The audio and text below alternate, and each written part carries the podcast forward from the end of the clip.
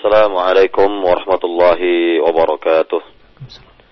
إن الحمد لله نحمده ونستعينه ونستغفره ونعوذ بالله من شرور أنفسنا ومن سيئات أعمالنا. من يهده الله فلا مضل له ومن يضل فلا هادي له. أشهد أن لا إله إلا الله وحده لا شريك له وأشهد أن محمدا عبده ورسوله. يا أيها الذين آمنوا اتقوا الله حق تقاته ولا تموتن إلا وأنتم مسلمون يا أيها الناس اتقوا ربكم الذي خلقكم من نفس واحدة وخلق منها زوجها وبث منهما رجالا كثيرا ونساء واتقوا الله الذي تساءلون به والأرحام إن الله كان عليكم رقيبا يا أيها الذين آمنوا اتقوا الله وقولوا قولا سديدا يصلح لكم أعمالكم ويغفر لكم ذنوبكم. وما يطع الله ورسوله فقد فاز فوزا عظيما. أما بعد فإن أصدق الحديث كتاب الله وخير الهدي هدي محمد صلى الله عليه وسلم وشر الأمور محدثاتها وكل محدثة بدعة وكل بدعة ضلالة وكل ضلالة في النار. Para pendengar di Raja yang dimuliakan Allah Subhanahu wa taala. Alhamdulillah pada pagi hari ini kita bisa kembali menyimak dan mendengarkan kajian dari kitab Al-Aqidatu Awwalan Law Kanu Ya'lamun. Aqidah terlebih dahulu jika mereka mengetahui karya dari Syekh Saleh Abdul Wahid hafizahullah taala maka pembahasan dari kitab Al-Aqidah Awwal Law Kanu Ya'lamun yang telah kita jelaskan pada kajian yang terakhir adalah mengenai hubungan malaikat dengan manusia dan hubungan malaikat dengan orang-orang yang beriman secara khusus. Maka pada pagi hari ini kita akan melanjutkan masih berkenaan dengan rukun iman kepada malaikat atau beriman kepada malaikat yakni berkenaan dengan alamul jinni wa syayatin. Alam jin dan syaitan. Yang termasuk dari uh, perkara gaib atau keimanan kepada hal-hal yang gaib. Keimanan kepada hal-hal yang gaib. Dan dikatakan oleh Syekh Salih Abdul Wahid dalam perjumpaannya ini beliau menyatakan kepada kita وموعدنا في هذا اليوم إن شاء الله تعالى مع عالم مع عالم جديد مع عالم جديد من عوالم الغيب ألا وهو عالم الجن والشياطين dan pembahasan kita pada hari ini kata beliau insyaallah taala adalah bersama alam yang baru dari alam-alam gaib yaitu dari yaitu mengenai alam jin dan syaitan. Para pendengar di Raja yang dimuliakan Allah Subhanahu wa taala. Pembahasan berkenaan dengan alam jin dan syaitan ini yang dibahas oleh Syekh Saleh Abdul Wahid beliau menjelaskan tentang beberapa sebab di mana beliau membahas pembahasan ini yang dimasukkan dalam rukun iman yang kedua yaitu beriman kepada para malaikat. Beberapa sebab yang beliau jelaskan di mana beliau mengatakan walladzi dafa'ani ila al-hadits an 'alamil jinni wasyayatin umurun thalatha. yakni yang mendorong diriku untuk membicarakan tentang alam jin dan syaitan ini ada beberapa ya, ada beberapa hal. Yang pertama kata beliau al-amrul awal ilaqatu dzalika bil aqidah. Hubungan pembahasan ini dengan akidah. Ini hubungan pembahasan alam jin dan syaitan dengan bidang akidah itu sendiri. Dan ini adalah hubungan yang sangat erat. Di mana permasalahan ini termasuk dari permasalahan-permasalahan gaib yang harus diimani. Dan ini bagian dari akidah Islam. Sehingga beliau mengatakan fal imanu bil ghaibi aslun min usulil aqidah wa ruknun min arkanil iman. keimanan kepada perkara gaib merupakan pokok dari pokok-pokok akidah dan merupakan rukun dari rukun-rukun iman. Walidzalika wasafa Rabbuna jalla wa ala ibadahu al-muttaqina fi kitabih bi annahum yu'minuna bil ghaib. Yang dengan demikian Rabb kita mensifati hamba-hambanya yang bertakwa di dalam Al-Quran Al-Karim bahwa mereka beriman kepada perkara gaib. Orang-orang yang beriman kepada Allah Subhanahu wa taala sudah jelas beriman pula kepada perkara-perkara gaib lainnya. Di antaranya adalah beriman kepada adanya alam jin dan syaitan. Alam jin di mana Allah Subhanahu wa taala menjelaskan tentang sifat dari orang-orang yang bertakwa dalam surat Al-Baqarah ayat 1 sampai 3 di mana Allah Subhanahu wa taala berfirman Qala Allah taala Alif Lam Mim Zalikal kitabu la raiba fihi hudan lil muttaqin alladhina yu'minuna bil ghaibi wa yuqimuna as-salata mimma razaqnahum yunfiqun. Allah Subhanahu wa taala berfirman Alif Lam Mim. Inilah kitab yang tidak ada keraguan di dalamnya. Sebagai petunjuk bagi orang-orang yang bertakwa yaitu orang-orang yang beriman kepada perkara gaib dan mereka mendirikan salat dan menafkahkan apa yang kami rezekikan kepada mereka. Ya, dikatakan pada ayat yang mulia ini pada ayat yang ketiga, yu'minuna bil ghaibi bahwa mereka adalah orang-orang yang beriman kepada perkara gaib. Dan dikatakan di sini oleh Syekh Salih wa alamul jinni wa syayatin min awalimil ghaib allati nu'minu biwujudiha wa la naraha. Dan alam jin serta syaitan termasuk dari alam gaib yang mana kita harus beriman pada beriman kepadanya, beriman tentang adanya walaupun kita tidak melihatnya. لأن الله عز وجل أخبرنا عنهم في كتابه والرسول صلى الله عليه وسلم أخبرنا عنهم في سنته فالمؤمن الصادق في إيمانه الذي يعتقد في قلبه عقيدة صحيحة يؤمن بوجود الجن وإن كان لا يراهم.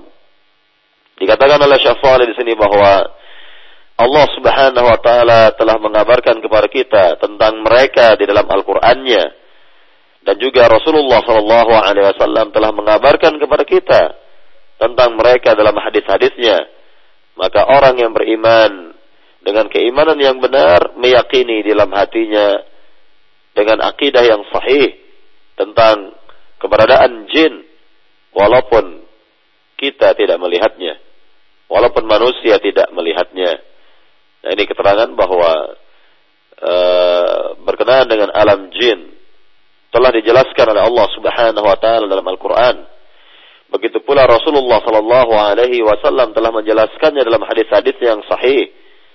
Maka tidak ada yang dapat menolak dalil-dalil dari Al-Qur'an dan hadis-hadis Nabi yang mulia sallallahu alaihi wasallam dan jika ada yang menolak maka akan menyimpang jalannya.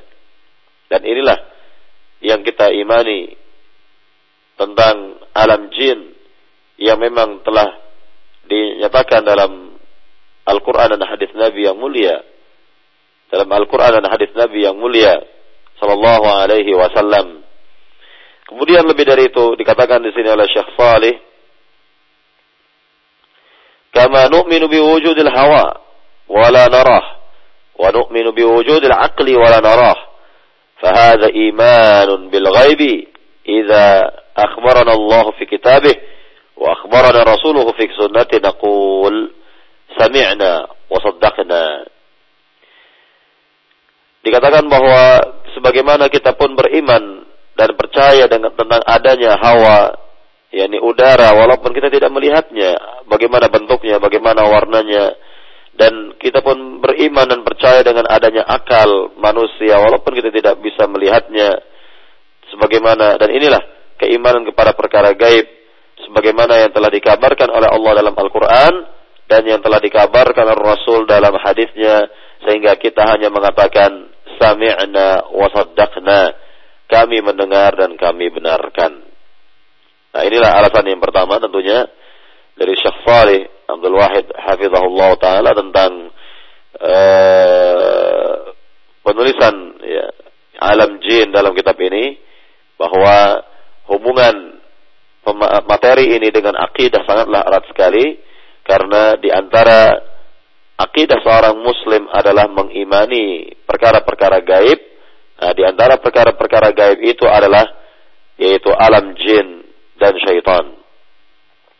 Kemudian sebab yang kedua di sini terangkan oleh Syekh Salih tentang sebab penulisan materi ini di mana beliau mengatakan al-amru tsani annana fi hadha zaman al-ajib fariqan min an-nas yankiruna 'alam al-jinn wa shayatin ittiba'an لفرق الضلال في ضلالهم.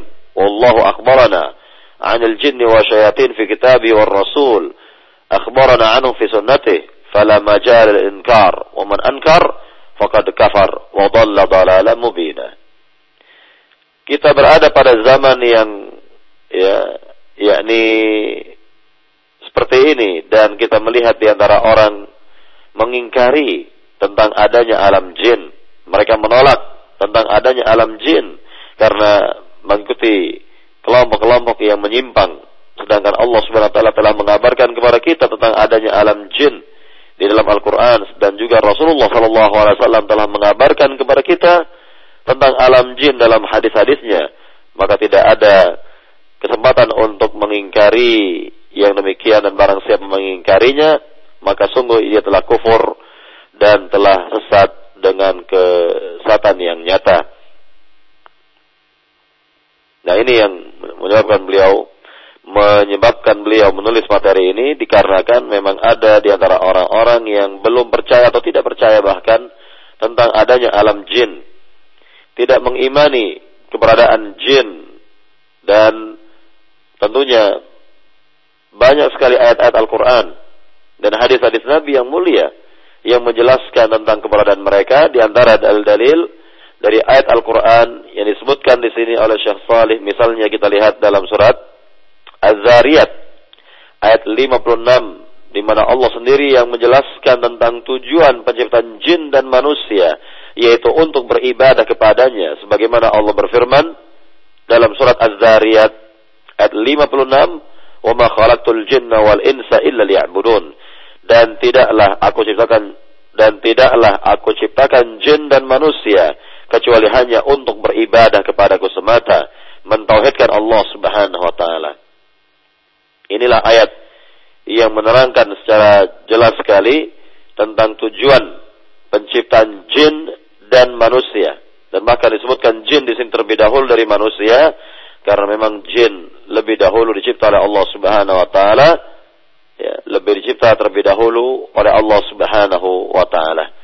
Dan jelaslah bagi kita bahwa Allah mencipta atau Allah telah mencipta jin dan manusia. Maka ini adalah keterangan yang sangat-sangat jelas bagi kita tentang adanya alam jin. Begitu pula misal dalam surat Al-An'am. Dalam surat Al-An'am ayat 130 di mana Allah Subhanahu wa taala berfirman, يا معشر الجن والإنس ألم يأتكم رسل منكم يقصون عليكم آياتي وينذرونكم لقاء يومكم هذا قالوا شهدنا على أنفسنا وغرتهم الحياة الدنيا وشهدوا على أنفسهم أنهم كانوا كافرين الله سبحانه وتعالى taala berfirman kepada seluruh jin dan manusia dalam surat Al-An'am tadi. Ayat 130 Wahai segenap jin dan manusia bukankah telah datang kepada kalian rasul-rasul kami yang menjelaskan kepada kalian ayat-ayat kami dan memberikan peringatan kepada kalian tentang hari perjumpaan?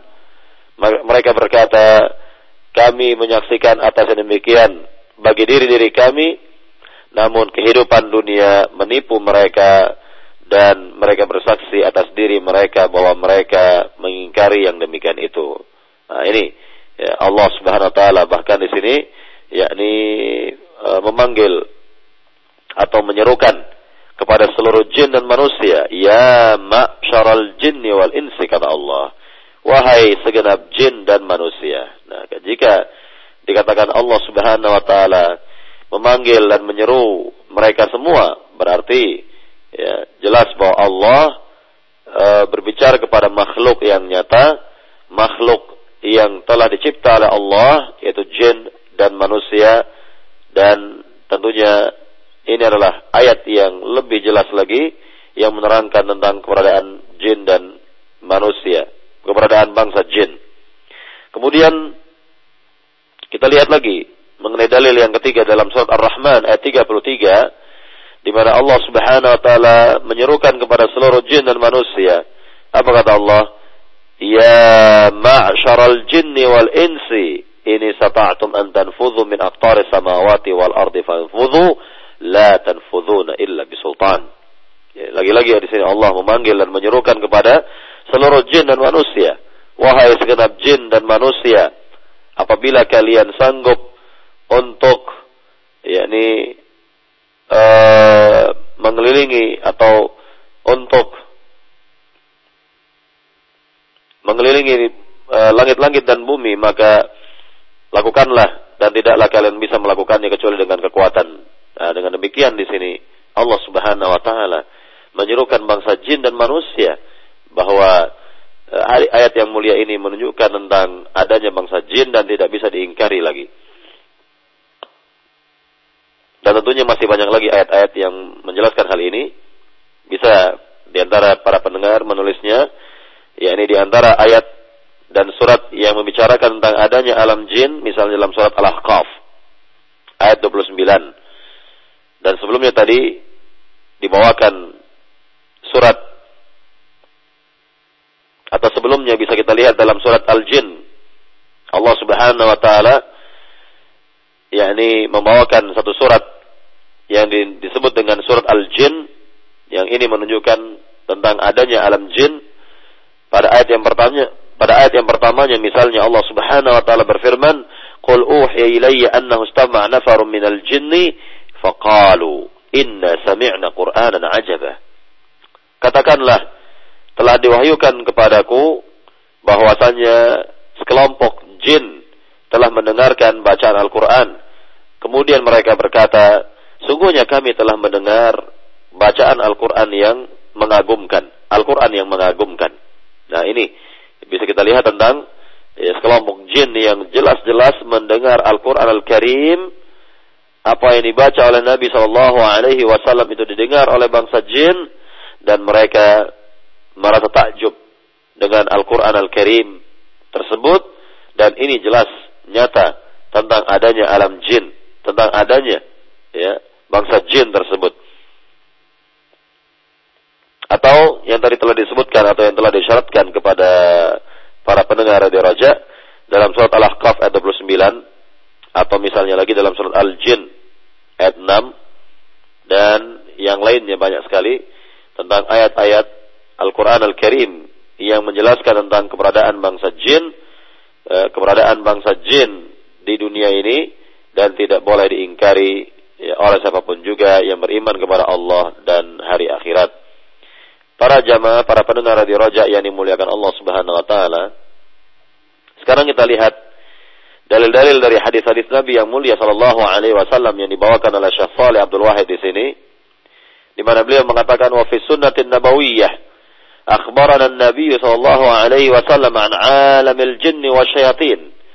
Adapun dalam hadis Nabi bahwa Nabi mengabarkan kepada kita tentang alam jin dan syaitan di mana Nabi bersabda Hadis yang pertama, Nabi Shallallahu Alaihi Wasallam bersabda dalam uh, kitab Sahih Al Jami. Uh, di sini dikatakan dalam kitab Sahih Al Jami hadis nomor 5676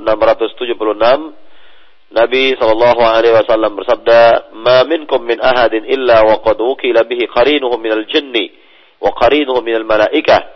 Qalu wa iyyaka qala wa iyyaya illa anna Allah 'ani 'alaihi fa aslam fala ya'murni illa bi khairin. Kata Nabi yang mulia sallallahu alaihi wasallam, tidak ada seorang pun dari kalian kecuali telah ditemani oleh karinnya, yakni temannya dari bangsa jin dan karinnya dari bangsa malaikat. Kemudian para sahabat bertanya, "Bagaimana dengan dirimu hai Rasul?" Maka Nabi bersabda, "Wa iya ya." Demikian pula dengan diriku.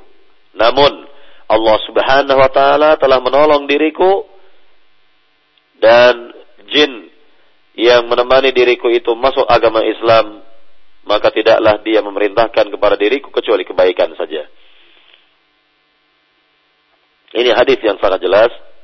Para pendengar radio Raja yang dimuliakan Allah Subhanahu wa taala, inilah hadis yang sangat jelas bagi kita tentang adanya bangsa jin dan bahkan Nabi mengatakan tadi bahwa setiap orang akan ditemani oleh ya karinnya atau temannya yang berasal dari bangsa jin dan karinnya yang berasal dari bangsa malaikat. Maka jin yang menemani manusia ini senantiasa memerintahkan atau mengarahkan si hamba ini atau manusia ini kepada perbuatan yang buruk, kepada kejelekan-kejelekan, adapun karin yang berasal dari malaikat akan memerintahkan kepada hal-hal yang baik-baik. Kemudian kita lihat lagi para pendengar radio Raja yang dimulakan Allah Subhanahu wa taala mengenai hadis yang kedua yang menjelaskan tentang adanya alam jin ini di mana Nabi Shallallahu alaihi wasallam bersabda Inna syaitana yajri min ibni Adam majrad dam. Sungguhnya syaitan dapat mengalir pada tubuh manusia sebagaimana atau mengalir pada tubuh manusia pada aliran darah.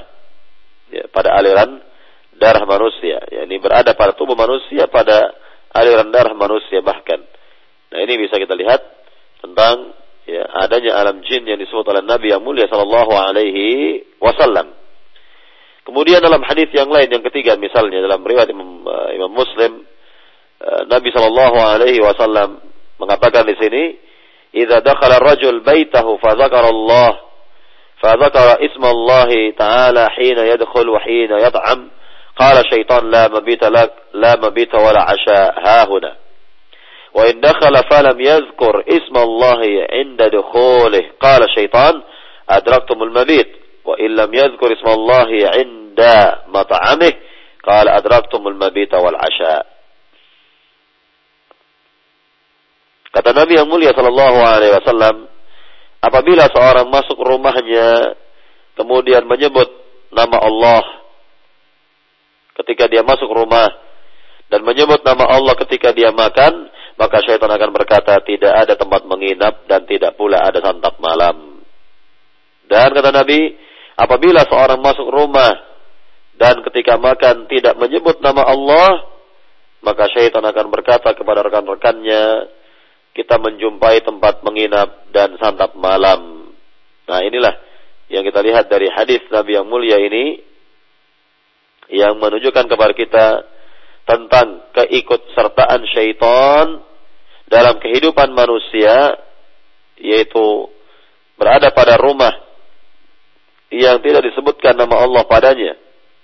Tidak dihidupkan rumah tersebut dengan zikir kepada Allah Subhanahu wa taala. Dan juga sahibul bait ya, yakni melakukan aktivitas seperti makan dan minumnya yang tidak menyebut nama Allah Subhanahu wa taala, maka syaitan dalam hal ini akan ikut serta dengan orang tersebut. Na'udzubillah Nasallallahu salamata wal. Maka hendaknya kita mengikuti apa yang telah dituntun, apa yang telah ditunjuk, apa yang telah diarahkan oleh Rasulullah Sallallahu Alaihi Wasallam ini. Para jamaah yang dimuliakan Allah Subhanahu Wa Taala, nah, kita lihat lagi sekarang berkenaan dengan uh, keberadaan bangsa jin ini dalam riwayat Imam Muslim hadis yang berikutnya di mana Nabi Shallallahu Alaihi Wasallam bersabda kepada kita semua Idza akala akala ahadukum kata Nabi. Wa idza syariba falyashrab bi yaminih fa inna syaitana yakulu bi shimali wa yashrab bi shimali. Kata Nabi yang mulia dalam riwayat Imam Muslim, apabila di antara kalian makan, maka makanlah dengan tangan kanannya. Dan apabila minum, maka minumlah dengan tangan kanannya, karena sungguhnya syaitanlah yang makan dan minumnya itu dengan tangan kirinya. Nah, ini sekali lagi hadis yang menerangkan kepada kita tentang adanya alam jin di mana ya jika seorang makan dan minumnya itu dengan tangan kirinya maka yang demikian pasti menyerupai makan dan minumnya jin atau syaitan dari golongan jin karena syaitan dari golongan jin ini makan dan minum dengan tangan kiri dan ini merupakan adab dalam hal uh, yakni makan ya. Dan Nabi yang mulia sallallahu alaihi wasallam sangatlah besar perhatian terhadap umat ini sehingga beliau menunjukkan ya semuanya ini kepada umat ini agar mereka berada pada sunnahnya agar mereka berada pada petunjuknya agar mereka semua berada pada ajarannya alaihi salatu wassalam. Kemudian para pendengar radio Raja yang dimuliakan Allah subhanahu wa ta'ala Ya tentunya masih banyak lagi hadis-hadis yang menerangkan tentang keberadaan bangsa jin, keberadaan bangsa jin ini dan tentunya dengan hadis-hadis yang seperti itu tidak bisa kita mengelaknya atau menolaknya, e, menyelisihinya dan kita hanyalah mengimani apa yang berasal dari Nabi, keterangan mengenai alam alam jin ini atau alam gaib ini yang berasal dari Nabi Shallallahu Alaihi Wasallam. Kemudian kita lihat sekarang sebab yang ketiga mengenai uh, sebab penulisan materi ini oleh Syekh Saleh Abdul Wahid. Apa kata beliau? Al-amru tsalits itu sebab yang ketiga kata beliau, fi hadzal zaman nasma'u katsiran minan nas yatahaddatsuna 'anil jinni wa yukhbiruna 'anhum ومنهم من يخاف الجن والشياطين أكثر مما يخاف من الله ومن الناس من يخاف من السحرة والمشعوذين لأنهم يتعاملون مع الجن أكثر مما يخاف من الله. فأحببت أن أنصح وأذكر والذكر تنفع المؤمنين annal jinna wa syayatin la أن an yadurru ahadan illa biiznillah wa innal jinna wa syayatin يملكون wa la yamlikuna li anfusihim naf'an wa la dharra. Dikatakan oleh Syekh Salih di sini bahwa kita hidup di zaman sekarang ini di mana kita mendengar banyak orang memperbincangkan jin dan syaitan. Banyak mereka memperbincangkan alam jin dan kita lihat bahwa sebagian mereka takutnya kepada jin ini lebih ya daripada takutnya kepada Rabbul Alamin.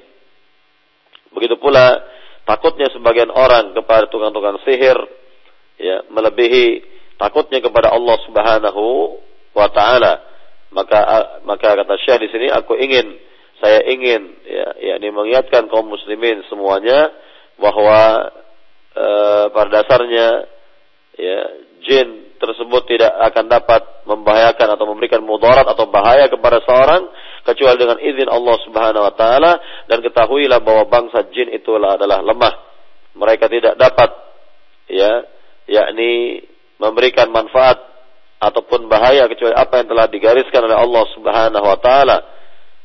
Namun kita lihat di antara orang masih takut kepada mereka, ya, masih takut kepada bangsa jin dan tentunya ini tidaklah dibenarkan, ya, ini tidak di, dibenarkan dan hendaknya seorang muslim orang yang beriman kepada Allah Subhanahu wa taala hanya takut kepada Allah Subhanahu wa taala.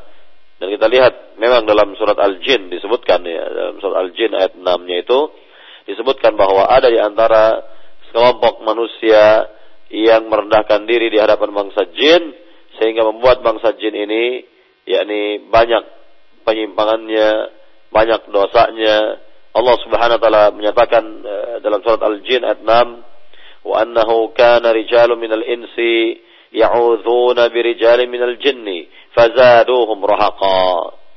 Dan sungguhnya sekelompok laki-laki dari kalangan manusia meminta pertolongan kepada sekelompok laki-laki dari golongan jin sehingga menambah demikian kepada bagi mereka yakni keburukan dan kesalahan atau dosa. Ya jadi Allah Subhanahu wa taala menjelaskan menerangkan kepada kita di sini tentang adanya di antara bangsa manusia itu sendiri yang takutnya kepada bangsa jin luar biasa. Yang takutnya kepada bangsa jin itu besar sekali. Dan ini ya sangatlah ganjil. Jika terdapat pada diri seorang muslim maka hendaknya seorang muslim tidaklah takut kepada mereka dan hendaknya hanya takut kepada Rabbul Alamin hendaknya hanya takut kepada Allah Subhanahu wa taala. Dan kita lihat kenyataannya pada sebagian orang misalnya karena sudah terdidik dari kecilnya untuk takut kepada bangsa jin dan e, sudah diarahkan demikian oleh orang-orang dewasa bahwa orang-orang dewasa menakut-nakuti anak-anak misalnya dari bangsa jin ya dan maka e, terbentuklah yakni pemikiran anak-anak tersebut hingga dewasa bahwa mereka ya takut kepada bangsa jin yang seharusnya tidaklah demikian bahwa yang harus ditanamkan kepada generasi muda adalah keimanan yang benar, kemudian keberanian yang benar dan tidaklah mereka takut kepada bangsa jin, hendaknya takut kepada Allah Subhanahu wa taala. Kemudian kita lihat di sini keterangan lebih lanjut dari Syekh Salih. La syakka fiha wa hiya anna al-jinn wa syayatin min ad'af wa ahqar khalqillah wa la yastati'una lakum wa la li anfusihim darra wa la naf'a. Beliau mengatakan di sini bahwa aku jelaskan kepada kalian semuanya ya kebenaran suatu kebenaran yang tidak diragukan lagi bahwa bangsa jin dan syaitan dari bangsa jin itu adalah selemah-lemah dan sehina-hina makhluk Allah Subhanahu wa taala tidaklah mereka dapat memberikan kepada kalian dan kepada diri mereka sendiri manfaat ataupun bahaya. Nah, ini yang diterangkan di sini bahwa sebenarnya manusia itu jauh lebih mulia. Manusia itu jauh lebih mulia dari bangsa jin dan ini bisa kita lihat tentang kemuliaan manusia di hadapan bangsa jin atau terhadap bangsa jin. Bukti yang pertama tentang manusia itu lebih mulia dari bangsa jin bahwa uh, nenek moyang bangsa jin yaitu iblis, nenek moyangnya bangsa jin yaitu iblis. Diperintahkan oleh Allah Subhanahu wa taala untuk sujud kepada nenek moyang bangsa manusia yaitu Adam alaihissalam. Diperintah jin itu diperintah iblis tersebut untuk yakni sujud kepada Nabi Adam alaihissalam. Dan ini bukti yang menjelaskan kepada kita tentang kemuliaan eh, bangsa manusia, kemuliaan bangsa manusia daripada bangsa jin. Kemudian bukti yang kedua bahwa manusia itu lebih mulia dari bangsa jin, bahwa seluruh para nabi, seluruh para rasul, mulai nabi yang pertama Adam alaihissalam sampai nabi yang terakhir Muhammad sallallahu alaihi wasallam yakni nabi yang ke 124 ribu dan mulai rasul yang pertama Nuh alaihi salam sampai rasul yang terakhir Muhammad sallallahu alaihi wasallam itu rasul yang ke-313 maka semuanya itu dari bangsa manusia. Semuanya dari bangsa manusia. Tidak ada dari bangsa jin. Ya tidak ada dari bangsa jin dalam hal ini. Kemudian bukti yang ketiga bisa kita lihat pula tentang kemuliaan manusia dari daripada bangsa jin ini bahwa e, para perawi hadis, orang-orang yang meriwayatkan hadis Nabi, tentunya semuanya dari bangsa manusia, tidak ada dari bangsa jin. Dan mereka lah yang mengambil manfaat, mereka lah yang hadir di majelisnya para ulama, hadir di majelis-majelis ilmu untuk mendengarkan ajaran agama ini yang kelak mereka sebarkan kepada bangsa mereka sendiri. Dan sekali lagi ini merupakan keutamaan bangsa manusia dari bangsa jin, maka e, dengan tiga bukti tadi menjadi kuatlah ya, menjadi kuatlah tentang kedudukan manusia dan sekali lagi bahwa manusia itu jauh lebih mulia dari bangsa jin sehingga tidak boleh kita menghinakan diri di hadapan bangsa jin. Tidak dibenarkan untuk menghinakan diri di hadapan bangsa jin. Nah, ini kita lihat dari ayat yang tadi dibawakan oleh Syekh Saleh dalam surat uh, Al-Jin tadi dalam surat Al-Jin ayat 6, wa annahu sekali lagi Allah mengatakan di sini dalam firman-Nya yang mulia ini, wa annahu kana rijalun minal insi ya'udzuna birijalin minal jinni fazaduhum rahaqan. Bahwasanya ada dari kelompok laki-laki dari kalangan manusia yang minta pertolongan kepada ya yakni laki-laki dari bangsa jin. Nah, ini satu penyimpangan yang nyata satu penyimpangan yang nyata bahwa sebenarnya minta pertolongan itu kepada Rabbul Alamin. Minta pertolongan, minta perlindungan kepada Allah Subhanahu wa taala. Makanya kita diperintahkan untuk mengucapkan ta'awuz. Mengucapkan ta'awuz. Ya, mengucapkan uh, kalimat ta'awuz atau uh, doa yang mengandung perlindungan. Ya, meminta perlindungan kepada Allah Subhanahu wa taala. A'udzu billahi minasyaitonir rajim. Ya, jadi sekali lagi inilah uh, yang kita lihat dan fenomena yang bisa kita lihat di tengah masyarakat juga masih ada di antara orang yang memang sangatlah takut kepada bangsa jin. Ketakutannya sangatlah besar kepada bangsa jin dan e, dikatakan bahwa di antara mereka tidak segan-segan untuk meminta perlindungan bantuan kepada bangsa jin. Para jamaah pendengar di raja yang dimuliakan Allah Subhanahu wa taala, inilah yang kita lihat dari uh, sikapnya sebagian orang yang tidak benar bahwa mereka sangatlah takut kepada bangsa jin, sangatlah takut kepada bangsa jin. Maka dengan demikian ya hendaknya kita berlepas diri dari sifat yang demikian, sifat pengecut seperti ini yang tidak baik ini dan hendaknya kita terus belajar akidah dan terus yakni mempertebal akidah kita agar kita yakni e, baik dalam kehidupan ini dan tidaklah takut kecuali kepada Allah Subhanahu wa taala. Nah, kita lihat sekarang berkenaan dengan e, jiwa sahabat yang kuat, akidah mereka yang kuat, agama mereka yang lurus. Kita ambil contoh mengenai akidahnya Umar Al-Khattab. Akidahnya Umar Al-Khattab radhiyallahu taala an dikarenakan di sini bahwa Umar memiliki akidah yang sangat kuat. Umar Al-Khattab memiliki akidah yang sangat bagus sekali sehingga dikatakan bahwa syaitan tidak ingin berpapasan dengan Umar Al-Khattab dalam satu jalan dan syaitan akan berlari akan ya, yakni berlari Eh, menghindari ya, menghindari diri dari perjumpaan uh, dengan Umar Al-Khattab radhiyallahu taala Maka Nabi sallallahu alaihi wasallam menjelaskan dalam hadis yang sahih dalam kitab Sahih Al-Jami ini, dalam kitab Sahih Al-Jami di mana Nabi wasallam mengatakan inni la anzur ila syayatinil jinni wal insi qad farru min Umar.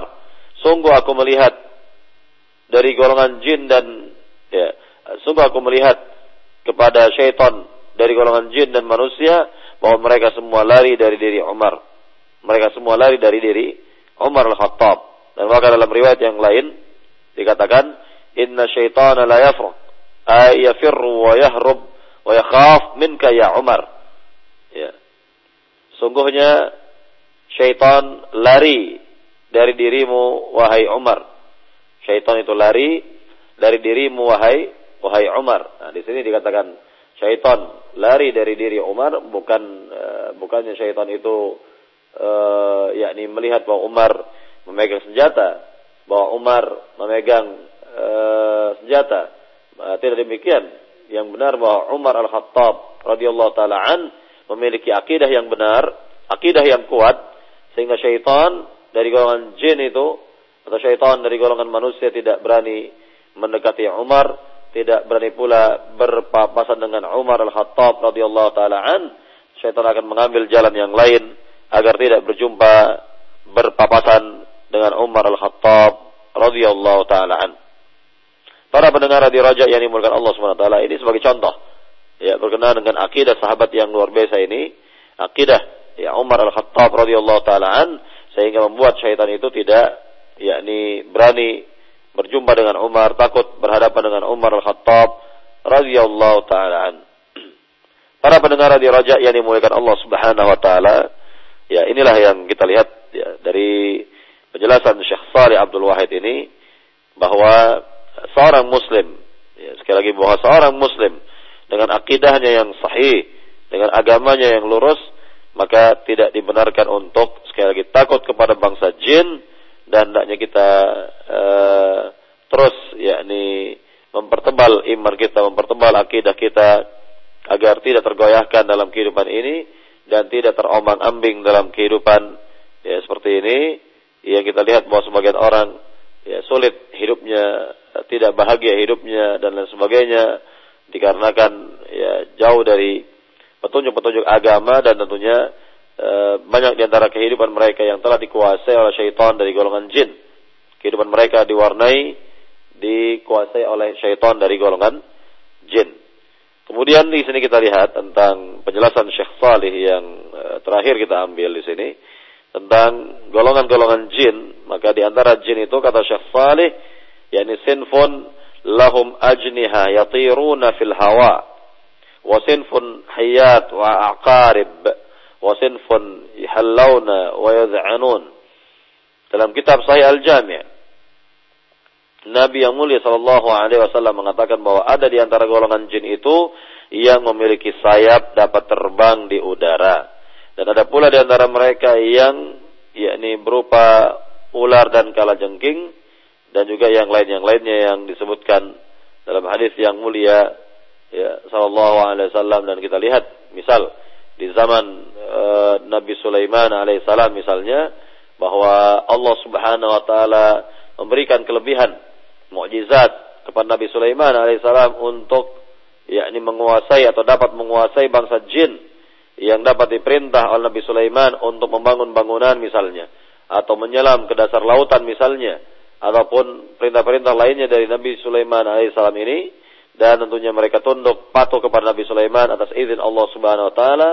Dan inilah yang kita lihat dari ya, sekali lagi penjelasan dalam kitab Al-Aqidah atau Awal Law Kanu Ya'lamun ya dan yang terakhir sekali e, berkenaan dengan tempat tinggal jin dan kehidupan atau hidup dan matinya jin bahwa e, jin dikatakan oleh Syekh Salih mereka tinggal di tempat-tempat yang buruk pada dasarnya, tempat-tempat yang gelap pada dasarnya, ya, tempat-tempat yang mengandung najis misalnya, ya, ini sebagai tempat-tempat mereka sehingga ketika kita masuk ke kamar mandi atau toilet, kita hendaknya berlindung kepada Allah dari gangguan syaitan jin, ya, dengan doa Allahumma inni a'udzubika minal khubuthi wal khaba'ith. Ya Allah, aku berlindung kepada Engkau dari ya, keburukan jin laki-laki dan perempuan.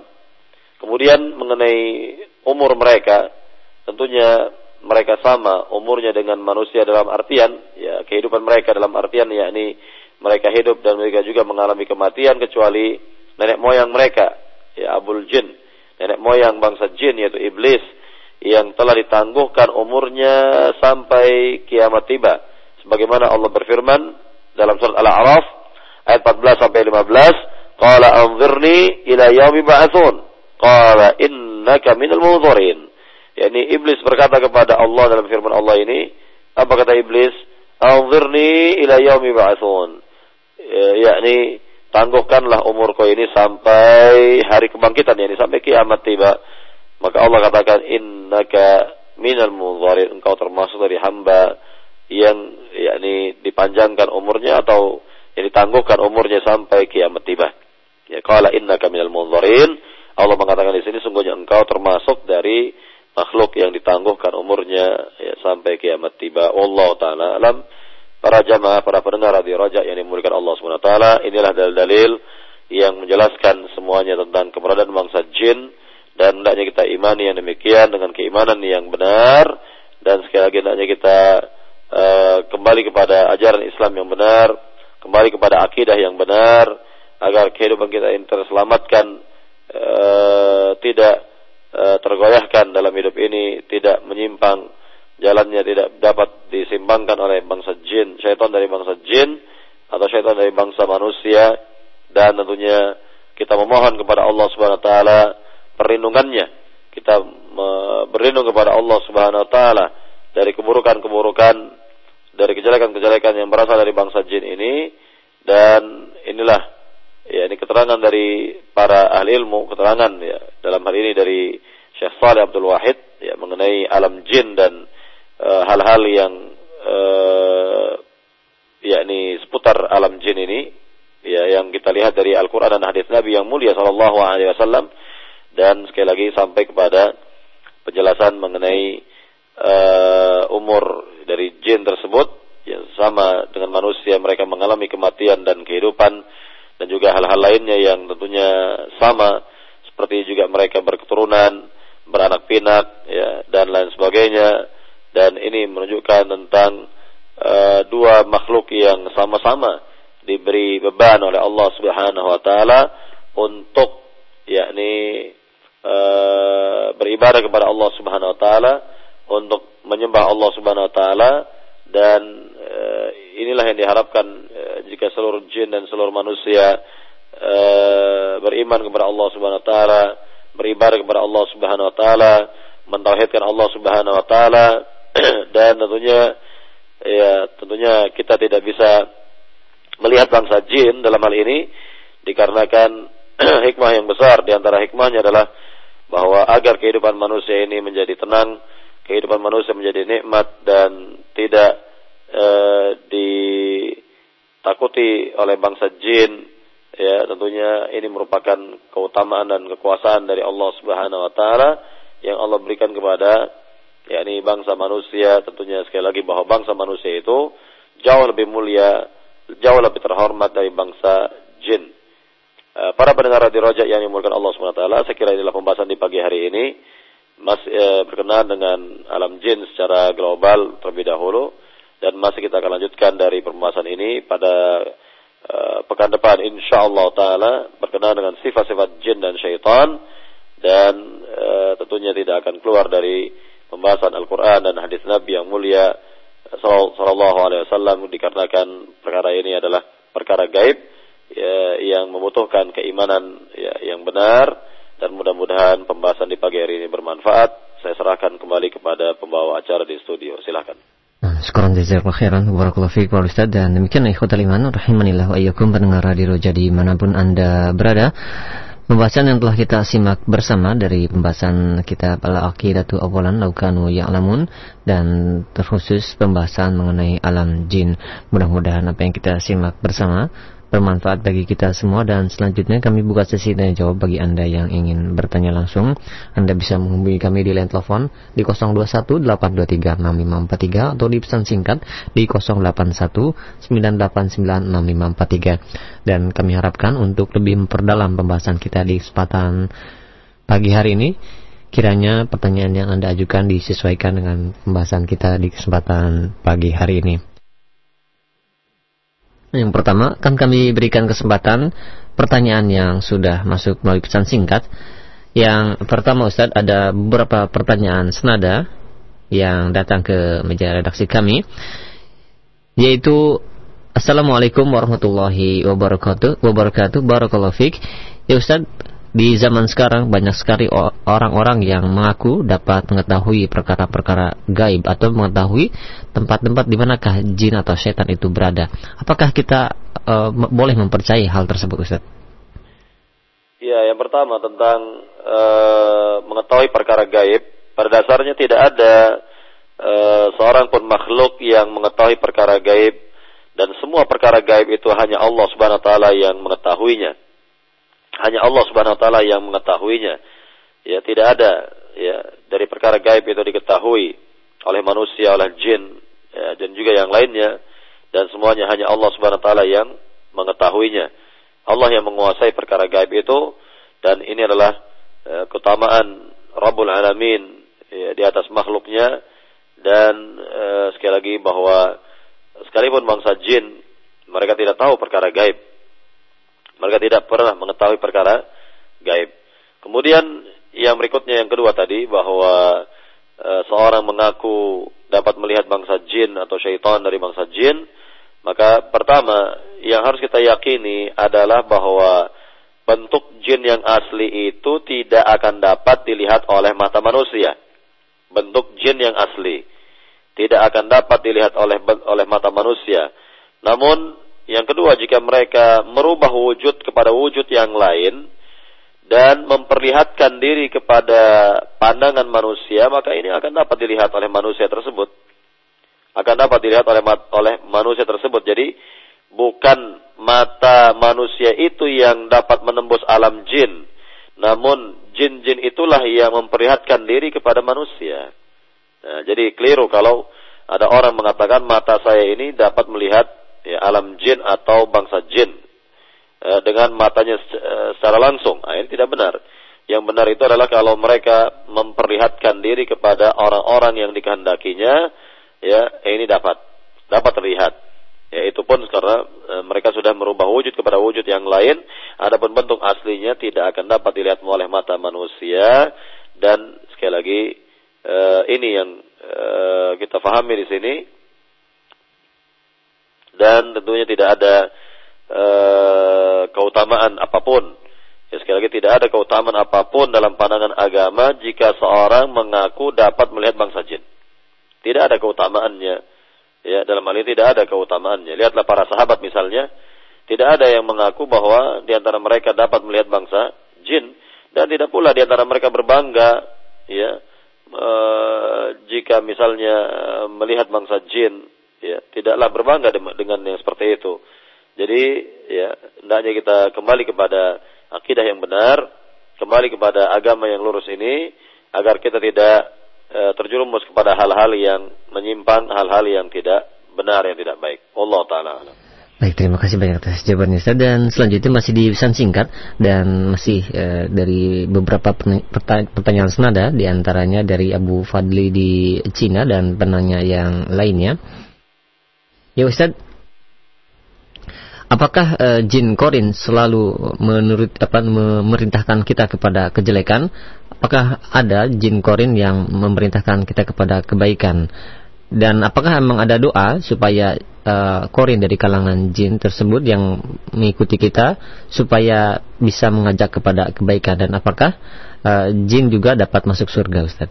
Silahkan. Iya.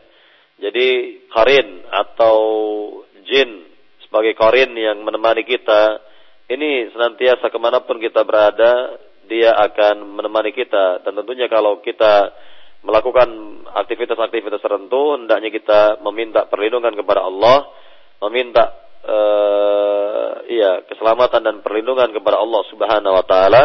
Misalnya ketika kita masuk uh, ke kamar mandi misalnya atau toilet, hendaknya kita minta perlindungan kepada Allah dari gangguan jin. Ya seperti tadi doa yang telah disebutkan ya yakni doa masuk kamar mandi atau WC itu dan juga doa-doa yang lain untuk aktivitas-aktivitas lainnya agar kita ya ini terjaga agar kita terpelihara dari gangguan jin e, bahwa jin-jin tersebut tidak akan dapat mengganggu kita tidak akan dapat e, menggoda kita. Maka hendaknya kita berdoa kepada Allah Subhanahu wa taala dengan doa-doa yang e, sahih datang dari Nabi sallallahu alaihi wasallam kemudian ya hal-hal lainnya yang tadi telah disebutkan sebenarnya bahwa kehidupan jin itu persis sama dengan kehidupan manusia Ya dengan artian misal bahwa jika manusia beranak pinak, jin juga demikian. Jika manusia makan minum, ya sama jin juga makan minum. Jika ya manusia uh, berada pada jalan yang benar atau ada pula di antara mereka berada pada jalan yang uh, yang keliru misalnya, demikian pula dengan jin. Ya, jadi Eh, semua kehidupan manusia itu ada pada kehidupan bangsa jin, tidak ada bedanya, hanya saja yang membedakan. Membedakan manusia dengan jin itu adalah alamnya saja. Kita adalah alam nyata, adapun mereka adalah alam gaib. Tentunya mereka tidak akan dapat dilihat oleh mata kita, walaupun mereka dapat melihat kita. Wallahu taala alam. Nah, sekarang khairan. Baik, selanjutnya kami beralih di line telepon. Bagi Anda yang ingin bertanya langsung, silahkan Anda bisa menghubungi kami di line telepon di 021 823 6543. Ya, halo. Halo. Waalaikumsalam warahmatullahi wabarakatuh. Dengan siapa di mana, Pak? Dengan Abdurrahman di Di Klender. Di Senen, Jakarta. Senen. Ya, dikecilkan Pak ya radio volume radionya. Silakan. Assalamualaikum warahmatullahi wabarakatuh. Tadi Ustaz um, bicara tentang keluar masuk rumah itu uh, kita kan sunahkan untuk uh, keluar rumah itu kan berdoakan Bismillahirrahmanirrahim terus masuk rumah juga baca Bismillah kalau salah ya. Itu uh, yang yang saya tanyakan kakinya itu kalau keluar rumah kaki kanan atau kiri ya? Terus kalau masuk rumah kaki kanan atau kaki kiri ya? Itu yang pertama. Yang kedua, apa, uh, saya pernah mendengar bahwa kita uh, manusia bisa disakiti oleh setan. Dan yang misalnya kan apakah sebaliknya kita bisa menyakiti setan itu? Misalkan jika mereka mengganggu kita, menampakkan diri di depan kita, apa kita bisa lebih dengan cara memukul atau melempar batu gitu. Soalnya saya juga pernah waktu masih kecil tuh, udah diperlihatkan oleh Allah melihat setan itu. Apa? Demikian saja terima kasih.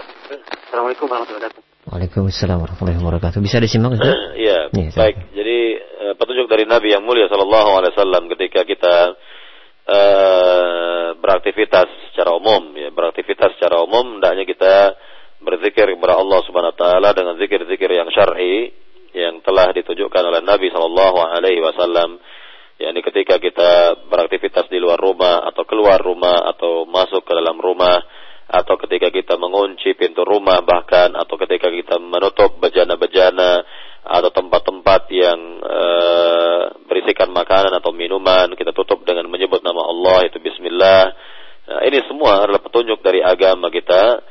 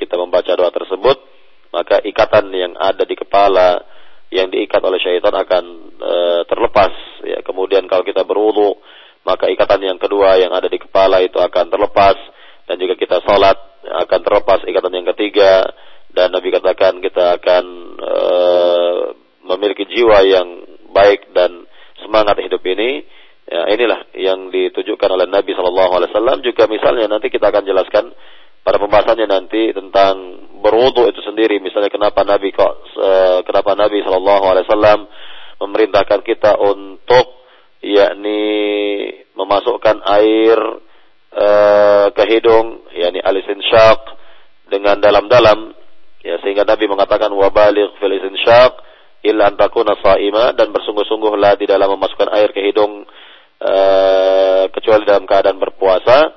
Yani Nabi menjelaskan bahwa pada dasarnya syaitan atau jin itu dapat menginap di uh, rongga hidung kita.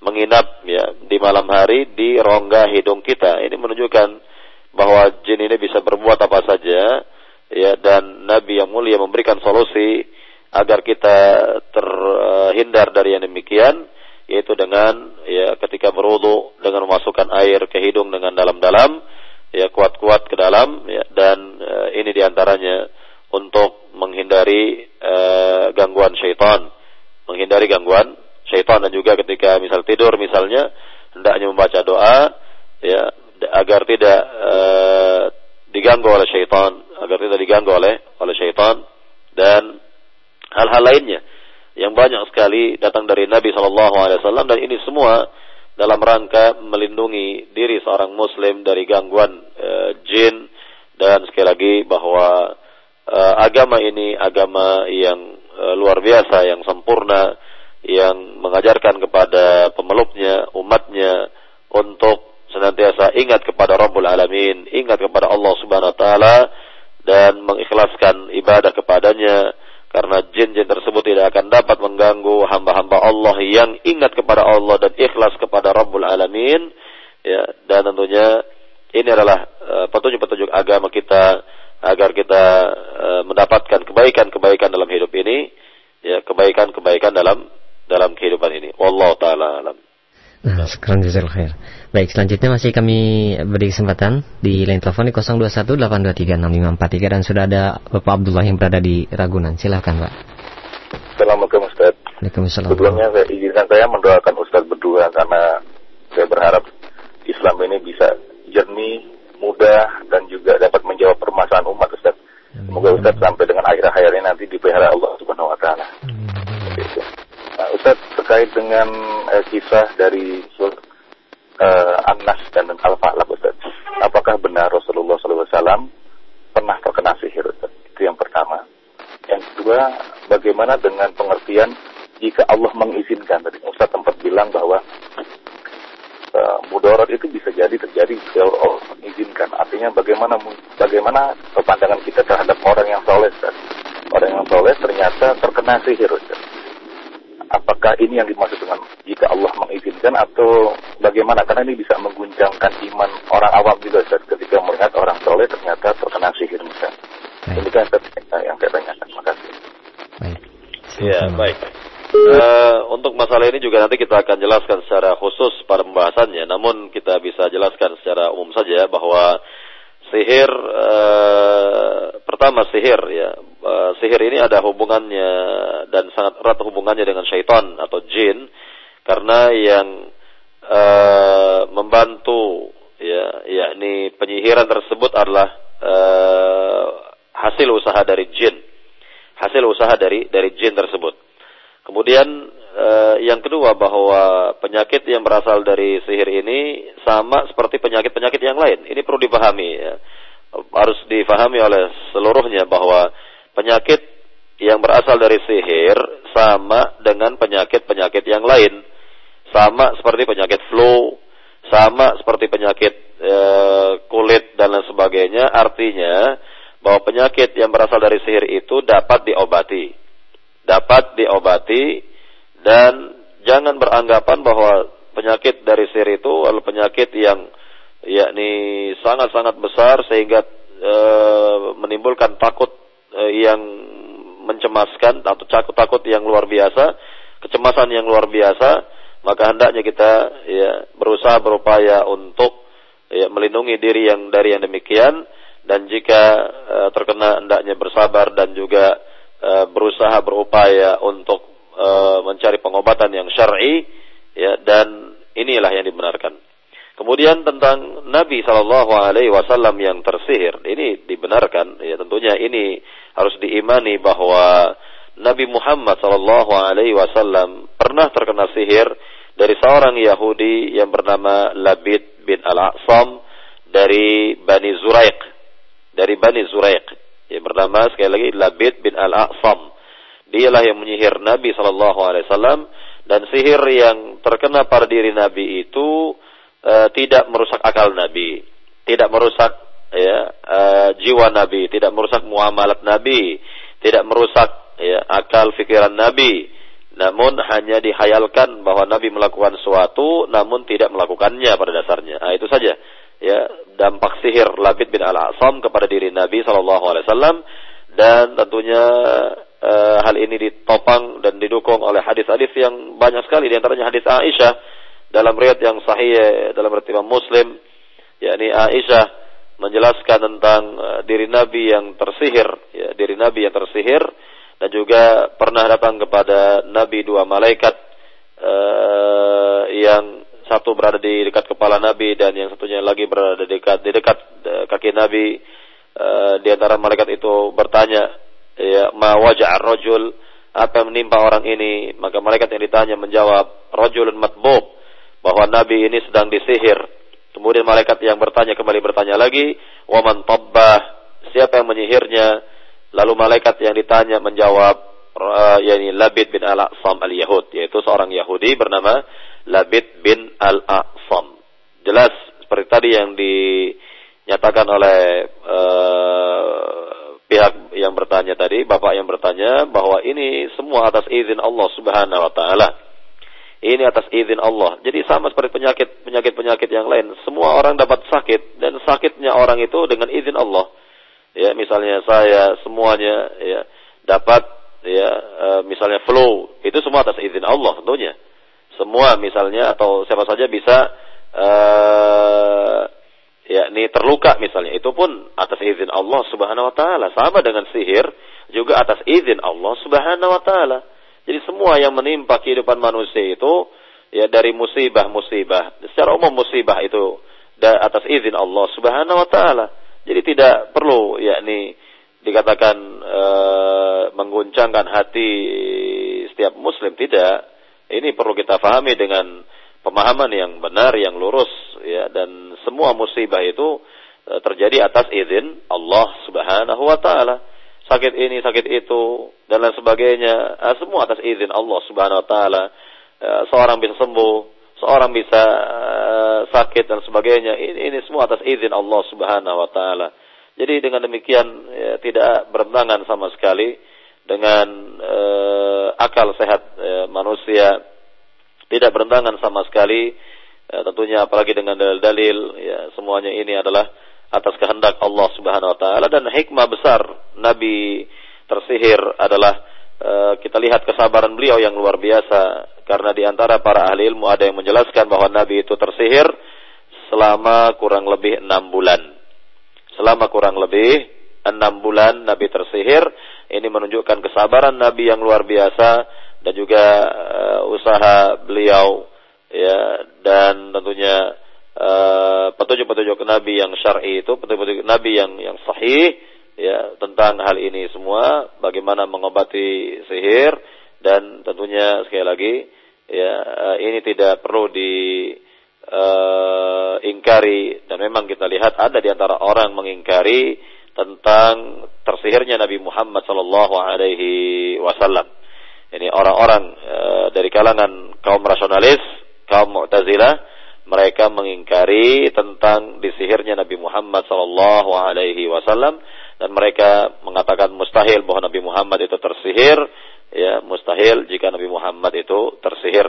Ya jadi mereka juga uh, yakni uh, memiliki dalil-dalil yang tentunya dalil mereka itu tidaklah kuat tidaklah kuat ya uh, dan tentunya yang benar adalah bahwa Nabi Shallallahu Alaihi Wasallam memang pernah disihir dan sekali lagi itu semua atas izin dari Allah SWT sebagaimana kita pun sakit kita pernah sakit ya anak kita pernah sakit ya siapa pun pernah mengalami sakit dan itu atas izin Allah Subhanahu wa taala.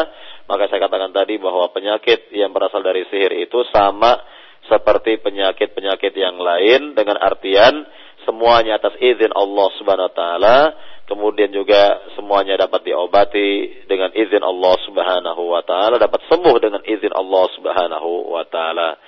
Baik para pendengar Radio Roja yang dimuliakan Allah Subhanahu wa taala, inilah kiranya perjumpaan kita pada hari ini e, berkenaan dengan alam jin dan kita akan masih melanjutkan kembali dari materi yang e, seperti ini pada pekan depan insyaallah taala. Mudah-mudahan apa yang kita kaji ini bermanfaat. Lebih kurangnya saya mohon maaf. Wallahu taala alam.